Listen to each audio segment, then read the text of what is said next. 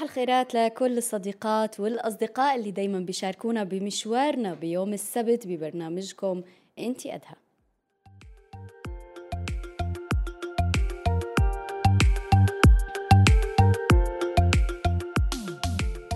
صباح الخيرات لكل مين عم يسمعنا على الإف إم على ال 98.5 وصرنا معكم كمان بالبث المرئي بالصوت والصورة على صفحة راديو روزنا الرسمية على فيسبوك وكمان على قناة روزنا على يوتيوب.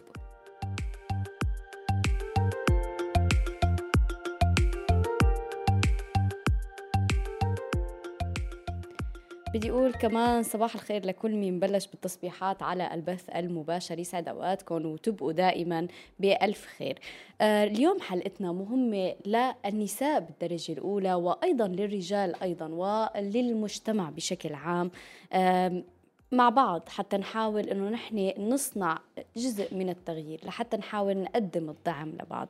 تحتفل الأمم المتحدة باليوم الدولي للأرامل في 23 حزيران من كل عام لإسماع صوت الأرامل والتعريف بتجاربهم وحشد الدعم الذي يحتاجنه بالنسبة للعديد من النساء في جميع أنحاء العالم قد تتفاقم الخسارة المدمرة لشريكها بسبب الكفاح من أجل حقوقهم الأساسية وكرامتهم على الرغم من وجود أكثر من 258 مليون أرملة في جميع أنحاء العالم فقد ترك الأرامل أو ترك الأرامل تاريخيا خفيات في مجتمعنا.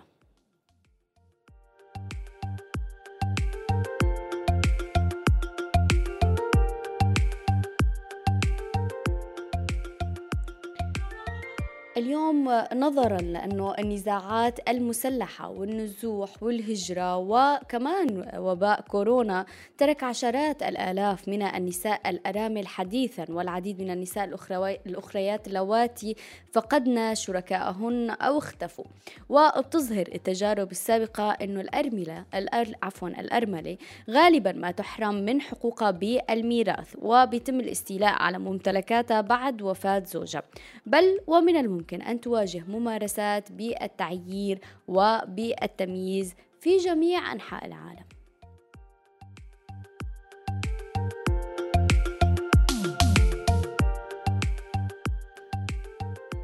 وأيضا بتقل احتمالية حصول النساء على المعاشات المتصلة بالشيخوخة عن احتمالية حصول الرجل عليها. ولذا فإن وفاة الزوج يمكن أن تؤدي إلى انتشار العوز بين المسنات. وفي سياق سياسات التباعد الاجتماعي والإغلاق الاقتصادي فربما عجزت الأرامل عن استخدام الحسابات المصرفية واستلام المعاشات التقاعدية لدفع تكاليف الرعاية الصحية إذا أصابهم المرض أو لإعالة أنفسهم وأطفالهم.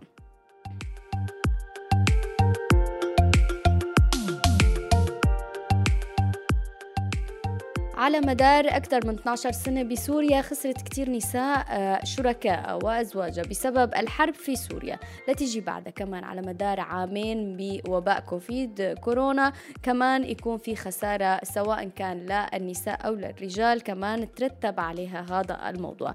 بالمقابل بتترتب على هي الخسارة كمان أيضا الخسارة ببعض الحالات بيكون في خسارة بالكثير من الحقوق بيكون في آه، كثير من الخسارات.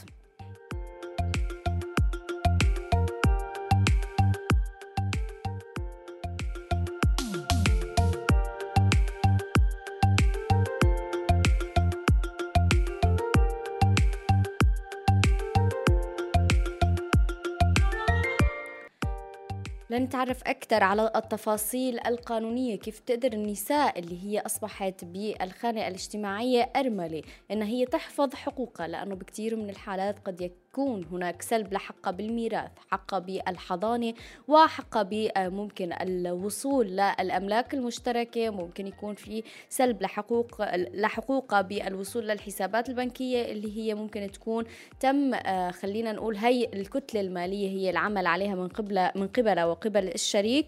آه، تفاصيل أكثر رح نناقشها. بيسعدني إنه تنضم لي الأستاذة المحامية عفاف الرشيد. أهلا وسهلا فيكي معنا أستاذة عفاف. وسهلا فيكم عزيزتي. صباح الخير.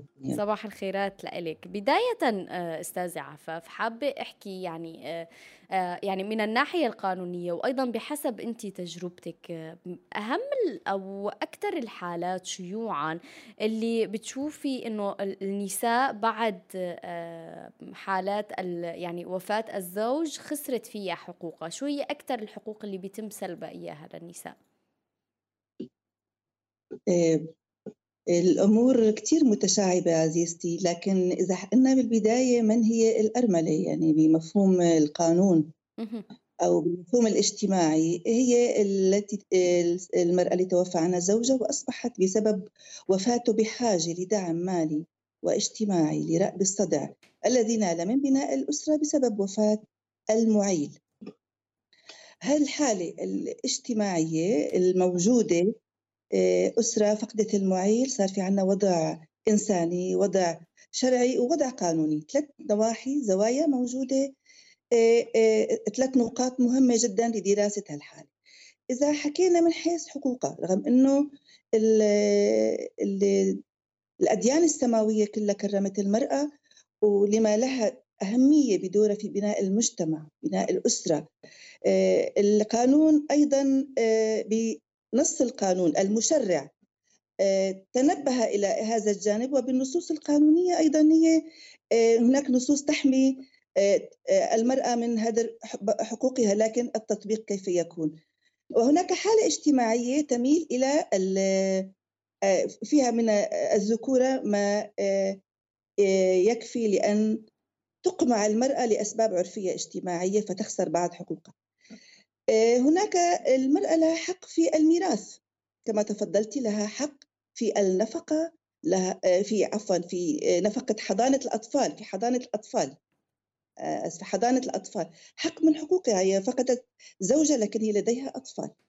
نرى أنه اجتماعيا هناك نزاع رغم أنه في القانون إن لجأت إلى المحكمة ترى أن هناك نصوص قانونية تحميها لكن التعنيف الاجتماعي لهذا الجانب وأنه مثلا العائلة الحماية أو مثلا عائلة الأب المتوفي مثلا بدها هي تستحوذ على الأولاد ونحن ما بنخلي الأولاد مثلا إنه مع أمهم وهي هلأ المهم هالكلام هذا بنعرفه نحن.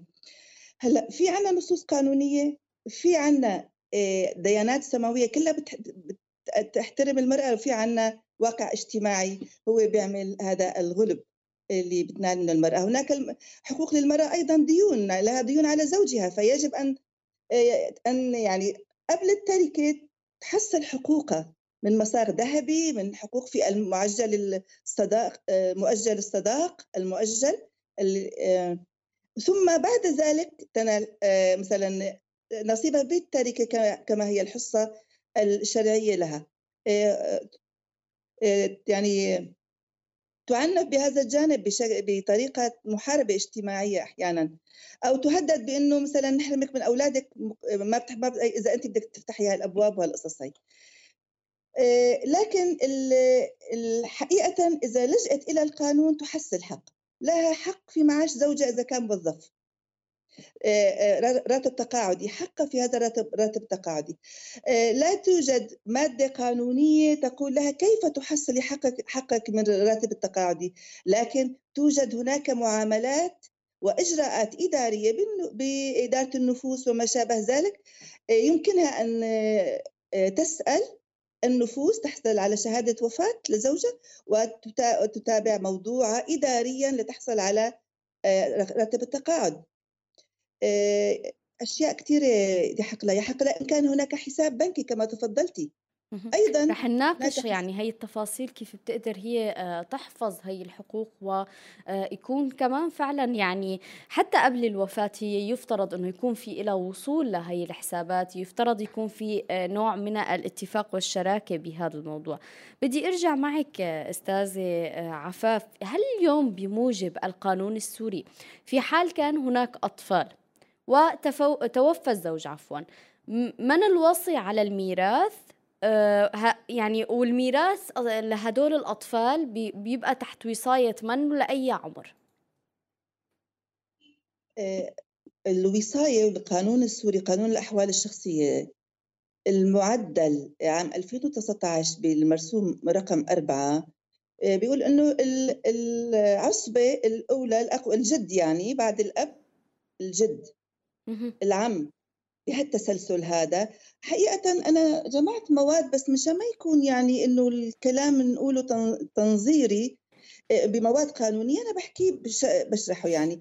آه، لابد يكون في هناك وصي والوصي هو بده يكون العصبة الجد آه، العم بالتسلسل بهذا التسلسل. هناك هذا الوصي يكون يعني إنه الأطفال القاصرين وما لهم من حقوق بالتركة تحت وصايته وليس تحت وصاية الأم ولا يوجد. يعني مادة قانونية بتقول يجوز أن تكون الأم هي الوصي. علما هو ربما هناك اجتهادات و آه، أيضا تعديلات ننادي بها آه، في قانون الأحوال الشخصية وفي هذا الجانب. لكن كما تعلم يا عزيزتي قانون الأحوال الشخصية مستمد من الشريعة الإسلامية. وهذا لا يعني أنه غير صالح للتعديل أو غير قابل للتعديل ولا يعني أنه الشريعة الإسلامية لا تقبل التعديل والنظر إلى مصلحة الأطفال والأرملة لا لا أبدا. لكن هناك فكر استراتيجي أكاديمي بهذا السياق. أما القوانين المدنية ممكن اللجوء إلى القانون المدني يعطيها فرصة أكثر في في هذا المجال وهذا السياق. يعني في آه، تفنيدات قانونية تتيح لها أكثر آه، متابعة حق عزيزتي. هو يعني آه، هو من القوانين اللي دائما منطالب إنه اليوم يكون في هناك بعض التعديلات لحتى كمان يكون للنساء للأمهات لهم حق الوصية. يعني من الغير المنطقي اليوم النساء هي يعني بشكل أو بآخر هي عم تبقى لفترة معينة زمنية هي وأطفالها محكومة بآراء أو بقرارات العم أو الجد بهذا بكثير تفاصيل فيما يخص الأطفال. بدنا نرجع نناقش مع حضرتك أستاذة آه، عفاف. في حال كان الزوج هو موظف حكومي مسجل في الضمان الاجتماعي في سوريا. هل يحق للنساء أولا في حال كان متقاعد وبعد وفاته إنه هي آه، آه، يتم تحويل الراتب التقاعدي لها طبعا بحال وفاته حكينا إنه الراتب التقاعدي هو من حقها حق هي آه، اللي عم يعني حتى لو كان ما في عندها أطفال يعني. حتى بيقولوا حتى إنه إذا تزوجت يمنع إنه إنه بتنحرم منه. يعني نفترض إن هي أولادها كبار وفي تقاعدي ومن راتب تقاعدي من حقها. طبعا أكيد يعني. آه، آه، وبتقدر يعني تل يعني ما ما بتقدر المجتمع ما بيقدر يعنفها من هذا الجانب. إن عنفها عرفيا لكن هي بتقدر تحصل حقها إذا لجأت إلى القضاء. وهل هو آه، يعني بالمجمل بيروح الراتب؟ لأنه آه، رح نسمع بعد شوي قصص آه، أستاذة عفاف فيما يخص موضوع الأخذ جزء لا يعني لا بأس به من الأجور أو من الراتب التقاعدي من قبل عائلة الزوج ويعني السيدة اللي رح تشاركنا قصتها خبرت إنه بيبقى الفتات ولا اولادها من الراتب. طبعا ممكن. ممكن جدا لأني آه، هلأ وقت اللي بده يصير في خصومه أمام المحكمة ويصير في ادعاءات مشان تنزع من منها السيده حقها آه، بده يصير في خصومة قدام القضاء وبده يصير في تقاضي. لكن آه، كيف الحالة؟ يعني كل يعني كل قضية لها ظروفها. ولكن يعني من الممكن أن يكون هناك تقاسم بالراتب التقاعدي بين الزوجة وعائلة الزوج المتوفي. هلا هو لا بالقانون لا يجوز إلا إذا كان في يعني هلا حالة إنه مثلا في آه، المتوفي هو مثلا عنده أخت آه، مثلا ما تزوجت وهي بحاجة لهي وما في إلا هذا الدخل مثلا. واشتكت وهي نازعت آه، الأرملة بحقها وهي نازعت أمام القضاء واسمه التنازع بالحقوق. نازعت إنه أنا إلي حق وأنا فشو بده يكون الراتب التقاعدي؟ ليسمح قد إيه بده يكون مقداره؟ ليسمح إنه آه، يتقاسم بهالطريقة هي. وفي آه، عائلة وفي أسرة هي الأولى يعني بهذا الحق. آه، آه، يعني ففي سلطة تقديرية للقاضي في إمكانية رجوع للمحكمة في إمكانية الوصول إلى الحق هذا استشارة محامي بالظروف الخاصة بالقضية. أعتقد أنه يعني دائما العقل والمنطق يعني بيقول إنه دائما الفكر السليم والعقل والمنطق بيقول إنه ما لا يمكن يقتنع القاضي بإنه ممكن هذا الراتب التقاعدي يقبل تقاسم بالشكل هذا. طبعا هي وجهة نظري والله أعلم. لكن إذا في حسب المكان حسب القانون حسب الظرف إذا كان يا ترى يعني إذا ما في أمان وما في عدالة إذا ما في يعني مثل الوضع بالداخل عنا كيف ممكن يكون الوضع ما بتعرفي ممكن يعني سياده القانون بتقول هيك لكن بالوضع اللي ببلدنا هلا فيه ما في سياده قانون بالطريق بالسياده الحقيقية اللي فيها العدالة وفيها الأمان للناس واللي بيحقق القانون أهدافه بحماية حقوق أفراد الناس لأفراد المجتمع. آه خلينا مع بعض أستاذة عفاف. آه قبل بدنا نروح لحتى ناخذ اتصال ومن بعدها رح آه يبدو فقدنا الاتصال. خلينا نسمع مع بعض قصة لأحدى النساء اللي شاركتنا تجربتها ونرجع لحتى نعلق عليها من الناحية القانونية.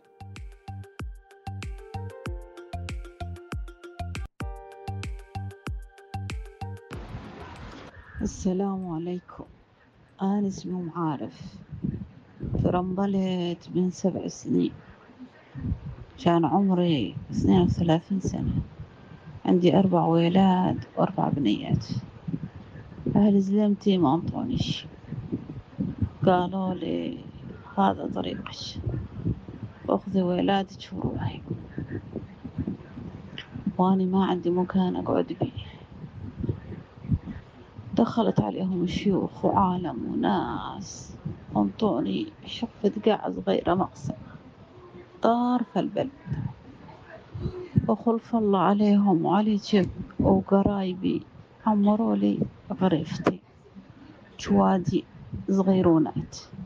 منافع ما صالون صغير بين الغرفتين نصه مطبخ ونصه حاطين بيه برداية. حمام حاطين أغراضات وطبخنا وبورنا ونطبخ وبصوالي ربيت ولاد الآن ساعة الحوالي جيبن والدين صغار حطنهن عندي ويروحون على مدارس وينطني شريط أسوي مشان نعيش.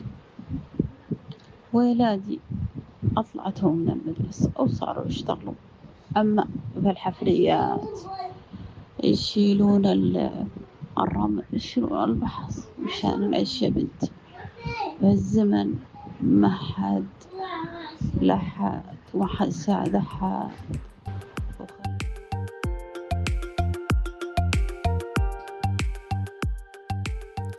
يمكن التعب اللي بصوت ام عارف لحاله آه، بيكفي يشرح قد إيه هي السيدة تعرضت لمعاناة ولضغوطات. هذا النوع من السلب آه، استاذه عفاف آه، روحي دبري راسك ما إلك شي عنا. كيف تقدر تتعامل؟ النساء لفعلا هي تثبت حقوقها. طبعا الوضع السيدة كتير مؤلم محزن يعني. هذا الانكسار لأم هي عم بتربي أولادها ليصيروا هن قادة في المجتمع. لهم دور إيجابي في المجتمع. بتكون بهالنفسية بهالوضع هذا رغم كل القوانين ورغم رغم حقوق الإنسان ورغم الأديان السماوية اللي فيها الرحمة وهالقوانين وهالقصص والمنظمات والمنظومات كلياتها وهيك حالة عم بتصير. مع الأسف هذا كتير موجود خصوصا في البلاد اللي ما فيها استقرار وفيها حروب وفيها ثورات كما آه، في بلدنا. آه، كتير بيقولوا هيك وهذا هو المفهوم الاجتماعي اللي عم بقول لك التعنيف الاجتماعي النفسي. آه، الظلم هذا القهر الاجتماعي اللي حتى متشرب بعقولنا نحن يعني آه، أنت أم يعني اللي كانت الحماية أو أي حدا عم بينازح المرأة في حقها هي أنت كمان أم وأنت ما بتقبلي هيك وضع على نفسك. كيف بتقبليه على الأم أو المرأة اللي عم بتربي أولادك أو اللي هي أنجبت هالأطفال هدول؟ كثير يعني نحن كثير بدنا نشتغل على الجانب الأخلاقي البعد الأخلاقي المنظومة الأخلاقية كثير مهمة جدا عزيزتي. آه، أضف إلى الدعم المجتمعي الدعم النفسي. آه، التكافل الاجتماعي وينه؟ التكافل الاجتماعي اللي بجميع الأديان السماوية موجود تكافل اجتماعي لهيك حالات.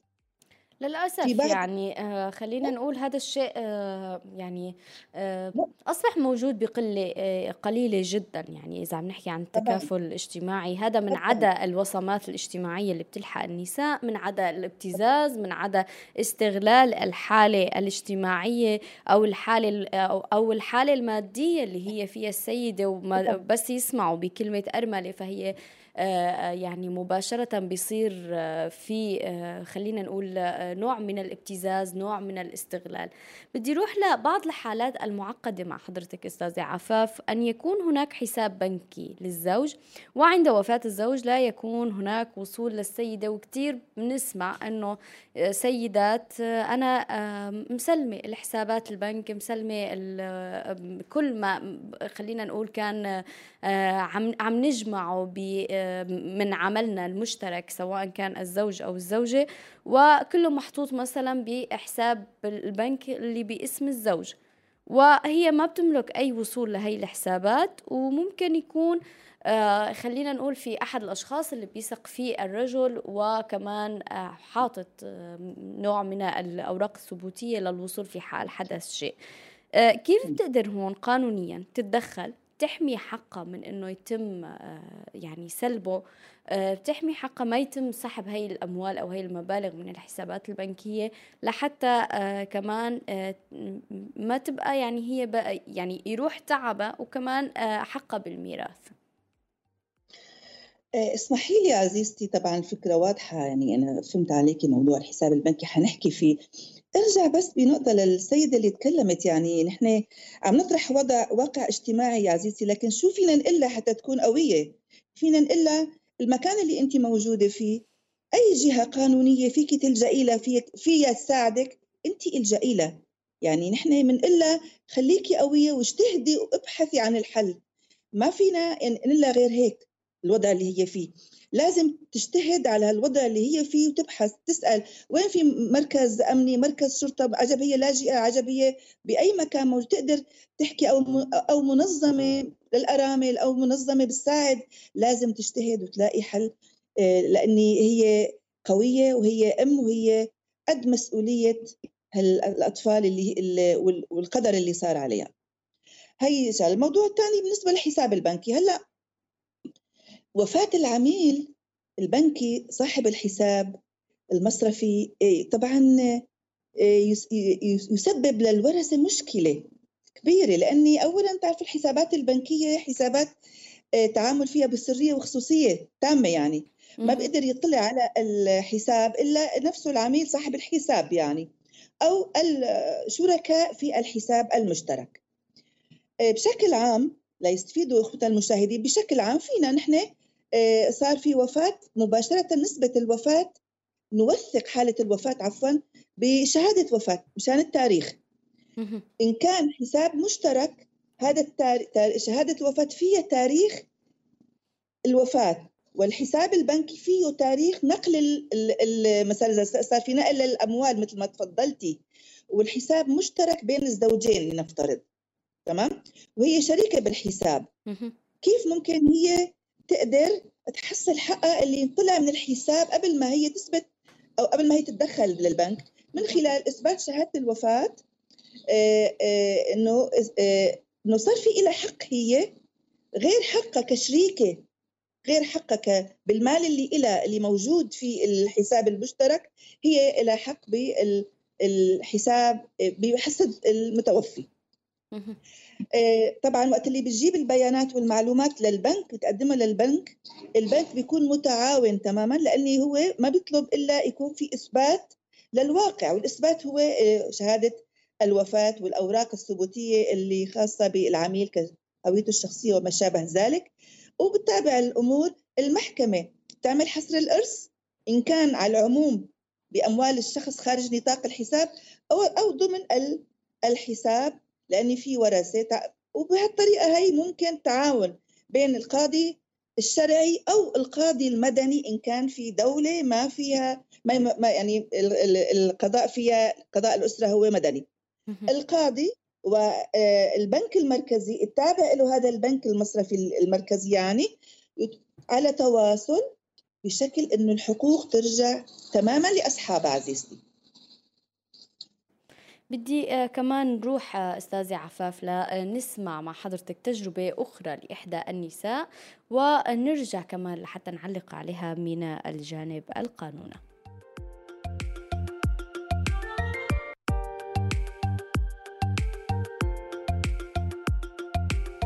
توفى بعد زواجنا بخمس سنين. كان صار عندي بهالوقت هذا ولدين صبي وبنت. كل حقوقي ضاعت عندي وحقوق أولادي حاليا ساكنة عند أهلي وبربي ولادي وبشتغل وبصرف علي. وقت توفى زوجي أهل زوجي طلعوني من البيت يلي كنت أنا ساكنة فيه أنا وهالولاد. لأن عمي أبوه لزوجي ما كان مقسم الورثة حتى ما كان مسجلها باسم حدا. لهيك ما طلع شيء لأولادي. وكمان أهله بياخدوا أجزاء من الراتب وبيبقى لأولادي القليل منه. حتى لو رفعت دعوة ما بيطلع لي شيء من الوردة لأنه كل شي باسم عمي. طلعت أنا من بيت ورحت قعدت عند أهلي. وحاليا بربي أولادي وبشتغل ثلاث شغلات لحتى أطلع مصروفي وأصرف عليهم. حتى موسم عندي موسم زيت ما بيعطوني منه شيء ولا حتى موني ولا من ولا من الزيت اللي ببيعوه. بينباع الزيت ما بيعطوني من حقه شيء وعندهم كمان موسم ليمون كمان ما بشوف منه شيء وقت كان زوجي عايش الله يرحمه كان هو يتكفل بفلاحة الأرض والأسمدة والعمال حتى هو اللي يعطيه. كل شيء كان منه. ومع هيك أنا ما أعطوني شيء لإلي ولا لهالولاد. كان دايما حجتين إنه أنا صغيرة ممكن أتزوج وإذا بعتوني بيت ممكن زوج جديد ياخد هالبيت. وقت سألت محامي قال لي ما ممكن يعطوك شيء سألته أنا قلت له لشو؟ قال لي لأنه ما في شيء مسجل باسم زوجك للأسف لهيك ما بيطلع لك شيء ابدا. هي من الحالات اللي كتير ممكن تكون شائعة. إنه هو آه تكون الأملاك بأسماء آه الأم والأب آه يعني الكبار بالعيلة. وما بيكون في توزيع لمثلا بهي الحصص أو بحسب العمل. كل ولد بياخد آه يعني آه الجزء اللي هو اشتغل عليه من أملاك.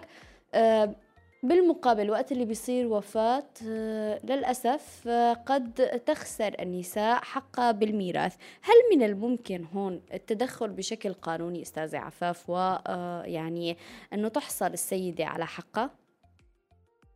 إيه طبعا هي ممكن تتدخل بشكل قانوني وبقوة لسبب. إيه هذا الجد الأولاد شاء أم أبى هو المسؤول عنهم بعد وفاة ابنه. سواء كانت التركه أم القصة يعني كان يعني حتى لو كان كل شيء باسمه هو أصلا الوصي الشرعي إيه. فهي إذا لجأت هي السيدة فيها تستفيد جدا إذا لجأت إلى المحكمة وباستدعاء دعوى وشرحت الوضع هدول الأطفال لكن بده يكون عندها عقد زواج قانوني مثبت يعني ما يكون عرفي. بده يكون عقد زواج. هي كمان ما قلناها لأخواتنا ينتبهوا لهالنقطه لازم يكون في يعني الزواج مثبت بالمحكمة. آه، أو بالبلدية إذا كان آه، مثلا خارج سوريا بتركيا مثلا يكون الزواج قانوني. الزواج القانوني تماما يعني موثق اصولا. هي معناتها هدول الاولاد مسؤول عنهم 100% كوصي ومضطر يدفع لهم والمحكمة بتتابعه وبتلاحقه ما إنه يعني حتما بدها تصبر بدها توكل محامي بدها آه، تنتظر ألو... ألو... آه، من الوقت هي انتظرت عمر انتظرت فترة طويلة. فيها تطول بالها وتنتظر لكن فيها تحصل حقها. من حتى على الفترات من تاريخ وفاة عفوا من تاريخ وفاة الزوجه للتاريخ يعني لزمن رجعي تمام؟ لحد المرحلة اللي هي فيها ممكن تقدر تحسن عن طريق المحكمة الشرعية آه، آه، حصة أولادها على الأقلية بالنفقة. يعني مصروف مصروف ما, ما في تركة هون لكن في بس في نفقة كوصي مضطر هو يصرف عليه ولكن بالميراث آه، يعني لا يمكن تحصيل هذا الشيء. بهذا الوضع بهذا الواقع يعتبر هو توفى ما عنده شيء. صحيح. لكن هي هي نقطة هون كتير مهمة يعني. هو وهو هون السؤال إنه اليوم آه، في كثير من الآباء يعني آه، أولادهم بيشتغلوا تحت كنفهم وما بيكون في أي توزيع لا الميراث أو لا آه، خلينا نقول الأملاك اللي بيشتغلوا عليها وبيكبروها الأبناء. ووقت في حال حدث وفاة مفاجئة ما بيكون في هناك أي تثبيت للحقوق للزوجة أو للأبناء من حق الميراث. آه، معنا أستاذة عفاف سؤال من إحدى الصديقات. عم تقول أنا وزوجي عنا حساب بنكي مشترك وهو آه، ما بيشتغل وأنا يلي عم أشتغل ولكن نحن ما عنا صبي. عندي بنتين. بهي الحالة الورثة أو الميراث هل بياخدوا بي الورثة عفوا هل بياخدوا نصيب من البنك في حال الوفاة؟ هلا بهيك حالة في الصبي عصبي. وإذا كان هي المسألة الإرثية حسب الشريعة الإسلامية ده موضوع. نحن ما فينا نحكي فيه حسب المسألة الإرثية آه، لكن إنه هي عم تشتغل وإلها حساب وعندها بنات بناتها بيطلع لهم. كيف حتكون المسألة الإرثية العامة يعني الخريطة المسألة الإرثية. أنا ما عندي هذا التخصص. كيف ممكن تكون آه، شو بيقله هو من الأقرباء شو له من المستحقين بالورث بالتركة لحتى يكون آه هذا الشيء. هي أولا بعدين هي حسابها باسمها. لا هي عم تقول حساب بنكي مشترك. مشترك تمام. نحن في عنا عفوا عزيزتي مشترك بس هي الرقم الموجود آه، مشترك لاثنيناتهم. ما في ما بتعرف هي يعني ما في ضمن تفاهم بيناتهم كأزواج شو إلها وشو ما إلها لأني نحن عندنا بتعرفي بالشريعة الإسلامية وقانون الأحوال الشخصية الذمة المالية مستقلة. مستقلة تماما. ولكن هذا يعني خلينا نقول على أرض الواقع لا يعني ما كثير بيحدث. ولكن هي سؤالة هل الورثة بياخذوا نصيب من حساب البنك عند في حالة الوفاة؟ وهن حسابهم مشترك. هل هذا الحساب بيكون في لهم آه، آه، الورثة حق بأنه ياخذوا آه، حصص منه أو لا؟ هو بما أنه حساب مشترك فبيبقى هو بين الزوج والزوجة والأبناء طبعا. طبعا. مسألة فيها اشتي... فيها يعني فيها وجهة نظر تقديرية بالمحكمة ما فيني أنا هلأ أفتي فيها. لكن إذا كان أثبتت هي إنه المال كله إلها وقدرت تثبت إنه هو ما دفع أي شيء ممكن ينظر بالأمر. لكن إذا هو حساب مشترك ودخل بذمة التركي وصار في عملية إرثية تماما وطلع للورثة الآخرين من هذا الحق هي ما فيها تنازع إلا إذا ادعت هذا الادعاء وإلا بيطلع لهم. لأن مسألة إرثية ما فينا نحن نلعب فيها. بدي آه كمان آه يعني إذا بنفسر لكل حدا عم يسمعنا أستاذة عفاف مع حضرتك آه يعني المقصود بالذمة المالية المستقلة للنساء؟ أي المقصود بالذمة المالية المستقلة للنساء أنه آه المرأة هي مو مطلوب منها تصرف على يعني ما مطلوب منها آه، آه، تصرف على البيت كل شيء بيجيها تحطه مشترك بينها وبين الرجل مثل القانون الغربي المدني. إنه كل شيء بيدخل للبيت من ذمة مالية مشترك لاثنيناتهم. بغض النظر عن هذا قد إيه حط عن هذا قد إيه حط هذا حط أكثر هذا حط أقل يكون مناصفه وقت المحاسبة الحساب تمام عزيزتي؟ أما لكن بالشريعة الإسلامية وقانون الأحوال الشخصية المرأة تنفق من مالها إذا هي أرادت وبإرادته وبعدين بإرادة أنفقت لكن ما بترجع عنه ولا أنا بطلت رجالي لا. في في قيم أخلاقية موجودة وفي تعاون مشترك بيناتهم في تفاهم. ممكن يتفاهموا إنه يكون الحياة بالمناسبه بين بعضهم. ممكن نعم. لكن بشكل عام بتضل ذمته المالية مستقلة عن ذمة زوجها. هذا هي هون الفكرة. فمشان هيك بهيك وضع ذمته المالية مستقلة ما لهم علاقه الورثة الآخرين آه، فيها آه، بذمتها هي. تمام عزيزتي؟ أما إذا كان إحنا عفوا عزيزتي السيدة اللي حكت وحكت قصة إنه باعتبار إنه ما في شيء باسم زوجها. ليه نحن ما ننبه البناتنا وقت اللي بدي أو نحن نعمل يعني نزوج أولاد بناتنا؟ ننتبه للنقطة هي ونتناقش مع الأهل مشان ضمان حقوق بنتنا مستقبلا يعني. ليش ما وكلمة الحق ما بالزعل نكون عندنا هذا الوعي قبل ما يصير الزواج ويصير هالمشكلة وتدفع البنت ثمن هذا التضحية مثل ما الأخت عملته.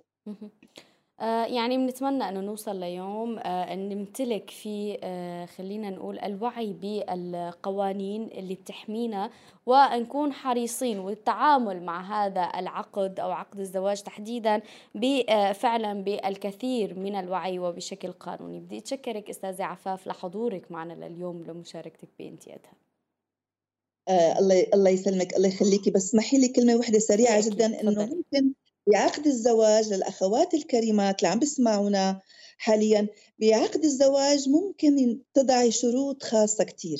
والشرط الموضوع بعقد الزواج ملزم والمحكمة وقت اللي بصير نزاع أو خصومة تنظر به يا عزيزتي. ففي كتير قضايا ممكن يتناقشوا فيها مع الطرف الآخر. لضمان حق بنتهم يحطوا بعض الشروط الغير مخالفة للنظام العام والضامنة لحقوق بنتهم. شكرا جزيلا شكرا كثير لحضورك أستاذة عفاف تحياتي. الله.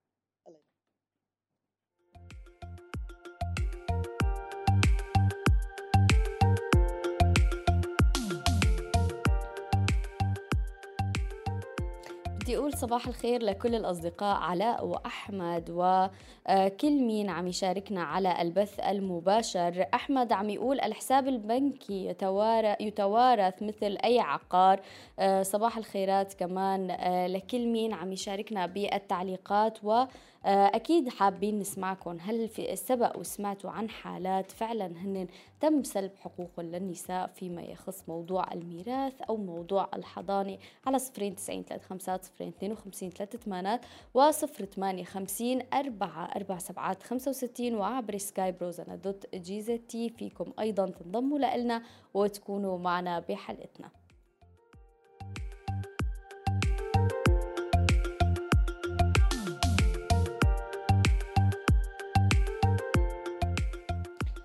المرأة الأرملة مو بس قد تتعرض لسلب في حقوقها القانونية إنما أيضا للأسف قد تتعرض للكثير من الضغوطات المجتمعية والنفسية. وقد تتعرض أيضا للابتزاز مقابل رغبتها أنه ببعض الأحيان أنها هي تحصل على فرصة عمل.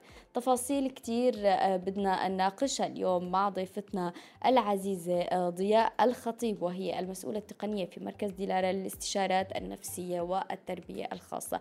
أهلا وسهلا فيكي معنا أستاذة ضياء لليوم. فيكم يسعد يسعد أوقاتك. أستاذة ضياء آه، يعني اليوم آه، حكينا من بالنصف ساعة الأولى من الجانب القانوني وبنشوف دائما قد إيه بيرتبط يعني القانون أيضا بالأعراف والتقاليد الاجتماعية أيضا. آه، وبتأثر بشكل أو بآخر الأعراف بالقوانين. اليوم لماذا يعني إذا بنسأل ليش المرأة اليوم الأرملة آه، تعامل ما بدنا نعمم ولكن بنسب كبيرة جدا تعامل بقسوة من المجتمع وقد تتعرض لسلب للكثير من حقوقها بوقت هي يعني بتكون عم تمرق بمرحلة كتير صعبة آه، تغير كتير صعب من الحياة بمفاصل الحياة. هي قد تكون مضطرة أنها تكون أم وأب بهي المرحلة والأيام القادمة. للأسف المرأة الأرملة بتتعرض بمجتمعنا لعدة ضغوطات. أولا بتبلش لما هي بتترمل بتتعرض لعنف اقتصادي من عائلة الزوج فبيحرموها من الميراث خوفا إنه هي تتزوج وتاخده معها. آه بعدين تتعرض كمان من قبل أسرتها من قبل أشخاص مقربين لها مو فقط الرجال كمان من النساء فبخافوا هن على رجالهم منها وكأنه هي آه بتصير آه، إنه هي بس بدها إنه تحصل على زوج فبتلاقيهم بيبعدوا عنها ببطلوا يحكوا معها. آه، حتى لو كانت مثلا مرأة عاملة قبل ما يتوفى زوجها ممكن أهلها آه، يقعدوها بالبيت ويمنعوها إنه تخرج على العمل أو على الدراسة خوفا من إنه تجلب لهم العار. كان في أحد النساء قالت لي كلمة إنه أنا أعتبر كأنه أنا كتلة عار موجودة بهالبيت هذا. ما بصير أطلع ما بصير أدخل ما بصير أحكي مع حدا إذا طلعت ممكن أكون أنا بلحظة حديث المدينة كلياتها الكل عم يحكي عني الكل عم يحكي بشرفي. آه، فأنا إذا بدي أطلع لازم أكون يا مع أب أو أخ أو إذا كان طفلة إنه يكون شوي واعي ممكن تطلع معه. طبعا بوقت محدود وبكثير اعتبارات. فللأسف الارامل عنا آه، عم يتعرضوا ل يعني مو بس عنف اقتصادي عنف اجتماعي آه، وما بيقدروا حتى يحصلوا على نحن بنسميه خدمات الدعم دعم الصحة النفسية. هلا في منظمة وورد فيجن قالت بعام 2022 حسب إحصائية 95% من النساء في مخيمات اللاجئين للأرامل عم يعانوا من من مشاعر الحزن واليأس مع انعدام وصول خدمات الصحة النفسية. آه، خدمات الصحة النفسية بهيك مراحل بتساعد النساء الأرامل وتساعد الأسرة آه، يعني الأسرة بشكل عام إنه هي تتخطى مراحل الحزن الخمسة. آه، فلما نحن الأرملة بتحصل على هالخدمة هاي المخصصة بتساعدها إنه تقدر تعيد تكوينها النفسي تقدر تفهم شو صار معها. تقدر تساعدها لحتى تفهم إنه شلون رح تقدر تعيش مع التغيير الإنسان بشكل عام لما بصير عنده تغيير آه، بيخاف إنه هو من هالتغيير هذا. هي بتكون لساتها عايشة مشاعر ممكن تكون حزن ممكن تكون لسه مشتاقة لزوجها ممكن تعيش مشاعر الاكتئاب. فبهالمشاعر هاي وما في ما بتقدر تفهم شو عم بيصير معه. ما في حدا عم يساندها عم بيأثر كتير عليها. فعم بصير ضغط من المجتمع عليها من أهلها. هي لا بتقدر مثلا تدافع عن حقوقها ولا عن حقوق أطفالها. بدي أرجع معك يعني أستاذة آه، ضياء لنقطة اليوم هي هي النظرة والمثال اللي ذكرتيه مهم جدا مشكورة آه، يعني على هذا الطرح. آه، شو الأساس هذا هاي النظرة؟ لماذا ينظر للمرأة الأرملة أو حتى المطلقة أنها هي كتلة من العار مثل ما وصفتيها أو هي توصم بهي الوصمات؟ بوقت هي ما اختارت أي شيء بهذا يعني خاصة السيدة الأرمل هي ما اختارت هاي الحالة الاجتماعية هي قضاء وقدر آه، يعني اللي صار. ف لماذا؟ يعني هون نرجع بنضل ليه عم. عم أتعامل أنا كسيدة أرملة؟ دائما بسمعوا هذا السؤال ليش أنا كسيدة أرملة عم أتعامل بهي الطريقة؟ لأنه هي تعتبر بالنسبة للمجتمع إنه هي آه، دائما للمجتمع هي دائما ممكن تغلط. فكأنه هن معصومين عن الغلط أو هي دائما تحت الأنظار. فأي أي تصرف منها بجوز يكون هو تصرف ما فيه أي شيء من الخطأ بس يفسر على أنه هو خطأ. لأنه هي بهالمرحلة هاي بتكون هي ضعيفة ما قادرين تدافع عن حالها ممكن بأي لحظة مهددة من قبل الأهل إنه يشيلوا أطفالها ويرجعون لعند لعند مثلا بيت جدهم ممكن هي ممكن إذا كانت عايشة عند بيت الأحمى ممكن يقولوا لها بأي لحظة ارجعي عند بيت أهلك وخلي أطفالك. فهي ما لا لا لا لا تتحكم بمصيرها ولا مصير أطفالها. فهي ما بتقدر تدافع عنها. فهي مشان هيك عم تكون معرضة ليش ما حدا عم يعرف؟ تسلط المجتمع الذكوري عنا آه، العادات والتقاليد القصص اللي القديمة اللي هن متمسكين فيها واللي دائما بيعطوها أمثلة إنه والله فلانة مثلا آه، طالعت عار لأهلها فلانة مدري شو عملت. يعني بغض النظر إنه هن بيعرفوا شو ربوا بيعرفوا إنه هن آه، شو أخلاق بنتهم بس هل هالأفكار هاي عم تقدر تسيطر على عقلهم. والنساء مو هن عايشين مشاعر لساتها نحن بنسميها مراحل الحزن فهن ما عم بيقدروا لسه يدافعوا. حتى أحيانا ممكن تكون إنه بعد وقت طويل بس ما عم بيقدروا يدافعوا عن حالهم لأنه هن ما لهم مثلا آه، مستقلين أو هن ما بيقدروا يعيشوا لحالهم. ممنوع يعيشوا مثلا ببيت لحالهم.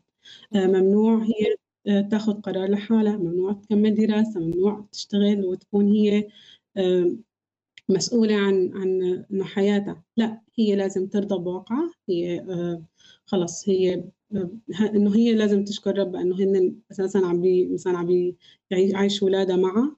آه، فهي حتى ممكن يحرموها من ميراثها. يعني عن جد أنت بعد نحن مع نحن حيوينك أنت وأطفالك. كمان بدك أنت تطلبي الأرض من أخوك هي في وحده قالت لي مثلا. إنه خلص أنت لازم تقعدي آه، منيح نحن عم نطعميك ونشربك ومملي لك البيت.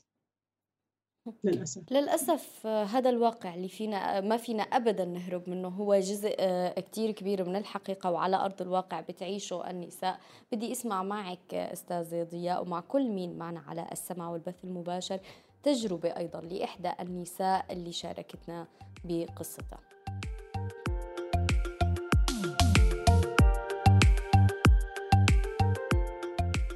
توفى زوجي من أول الحرب عندي أربع أولاد. وقت توفى أخذوه أخذته الدولة وهو ما عنده أي شيء بالضيعة باسمه. أهله أخذ أهله أخذوا حصصا من الراتب بقي لأولادي فتات قليلة. ما أعطوني أي قطعة من أرضه لأنه الورثة ما أنا موزعة. وبحاجة دعوة حتى أقدر أخذ وهلق ما معي حط دعوة. قولوا المرحوم حصة مني كنا ناخدها قبل وفاته. بعد ما توفى ما عاد عطوني شي ولا عطوا الأولاد ولا ممكن أقدر بيع أي قطعة أرض أقدر أصرف منها على أولادي وأرفع دعوة على بيت عمي. مفروض يطلع للأولاد ثلاث دلومات أرض.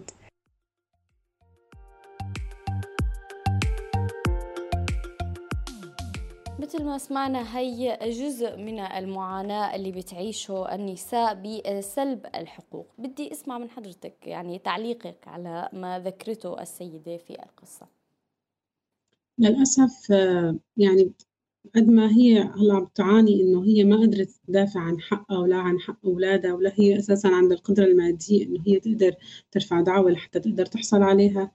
عم تعيش مشاعر كلياتها آه، من الألم من المعاناة من الحزن من اليأس. هي حتى عم تحس إنه والله هي ما لا قدرانة تعمل شيء يعني ما طالع بإيدها شيء. فكلياته هذا بيأثر لأنه ممكن تزيد حالتها النفسية ممكن لا سمح الله تدخل باكتئاب شديد آه، ممكن في بعض الحالات توصل للانتحار لحتى لأنه أنا مو طالع بإيدي شيء ولا قدرانة أساعد أطفالي. آه، ف للأسف يعني أجانا كثير مثل هيك حالات. في مثلا سيدة كانت آه، مثل ما عم تقول لا في أخذوا مثلا ميراث الميراث وهن صرفوه وتركوا الأم والأولاد بدون أي شيء. يعني بيعطوهم بس هيك ما ما شوي يسد الرمق مثل ما بيقولوا. آه، ممكن يكون طالعون من البيت ممكن يكون أو معيشينهم بغرفة واحدة. آه، مش بيشغلوها لل... إذا ضلت عند بيت لحمة مثل خادمة بالبيت هي ما بصير تعطي رأيها ما بيخلوها تروح عند أهلها. آه، فللأسف. يعني آه بدي أسألك أستاذة ضياء كمان معنا آه سؤال. الضغط إحدى الصديقات عم تسأل بيتم الضغط علينا كنساء إنه آه، كنساء أرامل إنه نرتبط بشريك حتى ولو كان بشريك آخر مرة ثانية حتى وإن كان ما مناسب. أنا بشعر بنفسي كأني سلعة يجب الخلاص منها قبل انتهاء مدة الصلاحية. للأسف هذا التعبير يعني آه، قاسي جدا على النساء أو هي المشاعر انها هي توصلها. كصاحبة تجربة هي خسرانة زوجها وعم يتم عليها الضغط لحتى تقبل آه، بزواج هي غير مقتنعة فيه. وهي ما عندها أي رغبة حاليا بأنها هي ترتبط وقد يكون هذا الشخص اللي متقدم هو لا يناسبها. أنا بدي أروح معك لخطوات. نحكي عنها اليوم. هي هي السيدة كيف تحصن آه، نفسيتها تحمي حالها أول شيء نفسيا وكيف تتحرك اجتماعيا لحتحاول بشكل أو بآخر توقف هذا الضغط عليها. هلأ بشكل عام نحن بمجتمعنا كثير من النساء تتعرض لهذا العنف هذا إنه انت مجبورة تتزوجي. أول شخص لأنه انت أساسا مثل ما قلت لك هي. بس لا لسه في أنا اجاني إنه تعبير من وحدة إنه هي كتلة عار موجودة بالبيت بس بدهم يخلصوا منها لأنه بأي لحظة ممكن آه، ينفتحوا بأي شيء معين. فمثل ما قالت السيدة إنه ممكن يكون مو مناسب لها هي ما لها مهيئة هلأ إنه هي تتزوج هي حاليا حابة مثلا تبقى مع أطفالها تربي أطفالها. آه، فأولا وأخيرا نحن دائما بنقول للنساء إنه حاولوا أنتم إنه أول نصيحة إنه أنت طلعي شيء بتحبيه وشيء أنت بتبدعي فيه وأنت بتشتغليه بتكوني مبسوطة. ما ضروري مثلا تطلعي برا البيت إذا كان أغلب النساء هن ممنوع إنه يطلعوا من البيت. فأنت بالبيت ممكن تكون أشغال يدوية ممكن تكون آه، طبخ ممكن يكون ممكن يكون أي شيء أنت يساعدك إنه أنت تعمليه بالبيت ويكون هو مصدر رزق لك. لما بيكون في أنت شوي عندك مصدر رزق شوي بيعطيكي قرار إنه أنا بدي أو ما بدي. ثاني آه، ثاني شيء ممكن نحن نقول لها يا مثلا آه، ممكن إنه أنت ترجعي تتعلمي شيء جديد. هل هي خياطة؟ في عنا نحن دائما نكون في دورات لأنه تساعد الناس إنه يتعلموا الخياطة الكوافير مثلا. آه، أي شيء مهنة تقدري تمسكيها آه، وبننصحهم دائما هن يفهموا شو حقوقهم شلون واجباتهم. آه، يحصلوا على خدمة الصحة النفسية حتى شوي يقدروا يرجعوا يعيدوا تكوينهم النفسي. هدول أكثر نصائح ممكن نعطيهم بهالمرحلة هاي.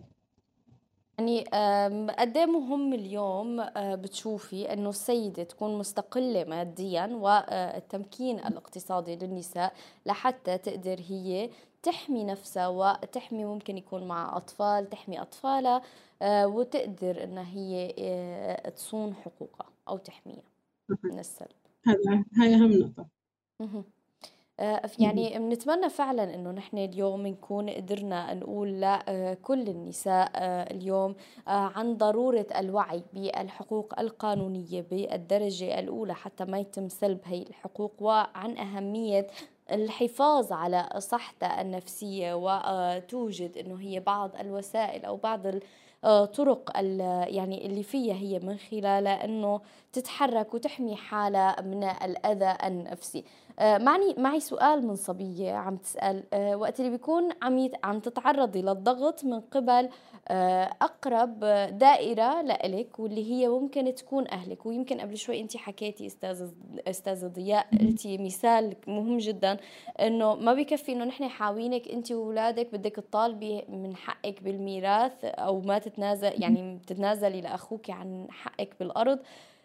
وقت هي الدائرة المقربة بتكون هي اللي عم تعطي هذا النوع آه، من السم في العلاقة كيف لازم تتصرف السيدة؟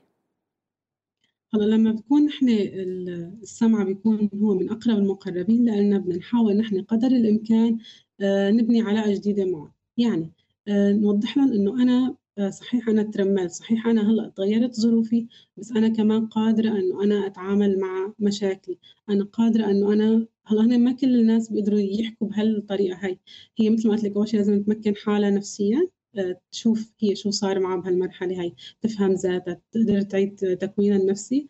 بعدين تاني مرحلة تقدر هي تلاقي مصدر آه، رزق لها لما بتجيها هي مبلغ مادي بتقدر هي كمان آه، تساعد ممكن شوي بالمصروف البيت تعمل كيان لها تحاول إنه هي إنه أطفالها هي تعينهم تحاول هي مثلا تتثقف شلون بدها هي تعرف الواجبات أو شو هي كمان حقوقها تقدر هي بشكل عام تعرف تعبر عن ذاتها تعرف تعبر بالرفض بأسلوب يكون بسيط لما بتجدد العلاقة مع والدتها مع والدها تفرجيه إنه هي قد الثقة هاي. هذا أكثر شيء ممكن يساعدها لأنه هي تكون كلمتها مسموعة بهالوقت هذا.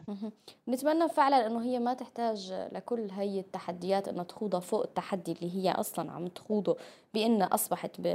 يعني خلينا نقول بيوم وليلة هي أم وأب ومسؤولة عن نفسها وعن الرعاية آه، آه، تقدمها إذا في حال كان أطفال. بنتمنى فعلا إنه آه، يعني يكون في أعباء أخف على النساء الأرامل تحديدا. بدي أتشكرك أستاذة ضياء لحضورك معنا لليوم ومشاركتك بانتيادة شكرا كثير لك. يعطيكم العافية.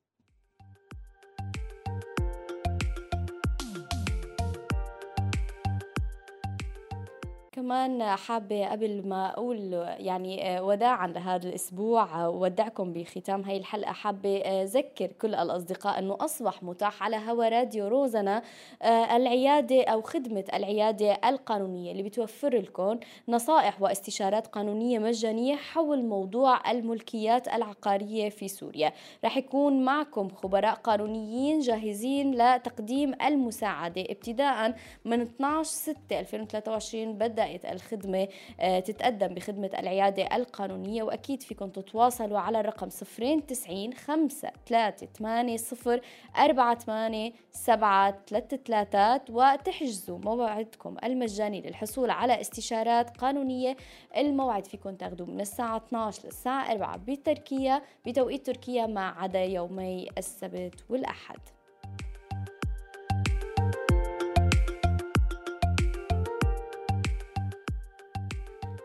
وصلنا لختام حلقتنا لليوم من هذا الأسبوع. بدي ودعكم واقول واتمنى لكم عيد أضحى مبارك للجميع. بشوفكم بعد عيد الأضحى. تبقوا جميعا بألف خير وكل عام وأنتم بألف خير. سلفا. تبقوا بخير.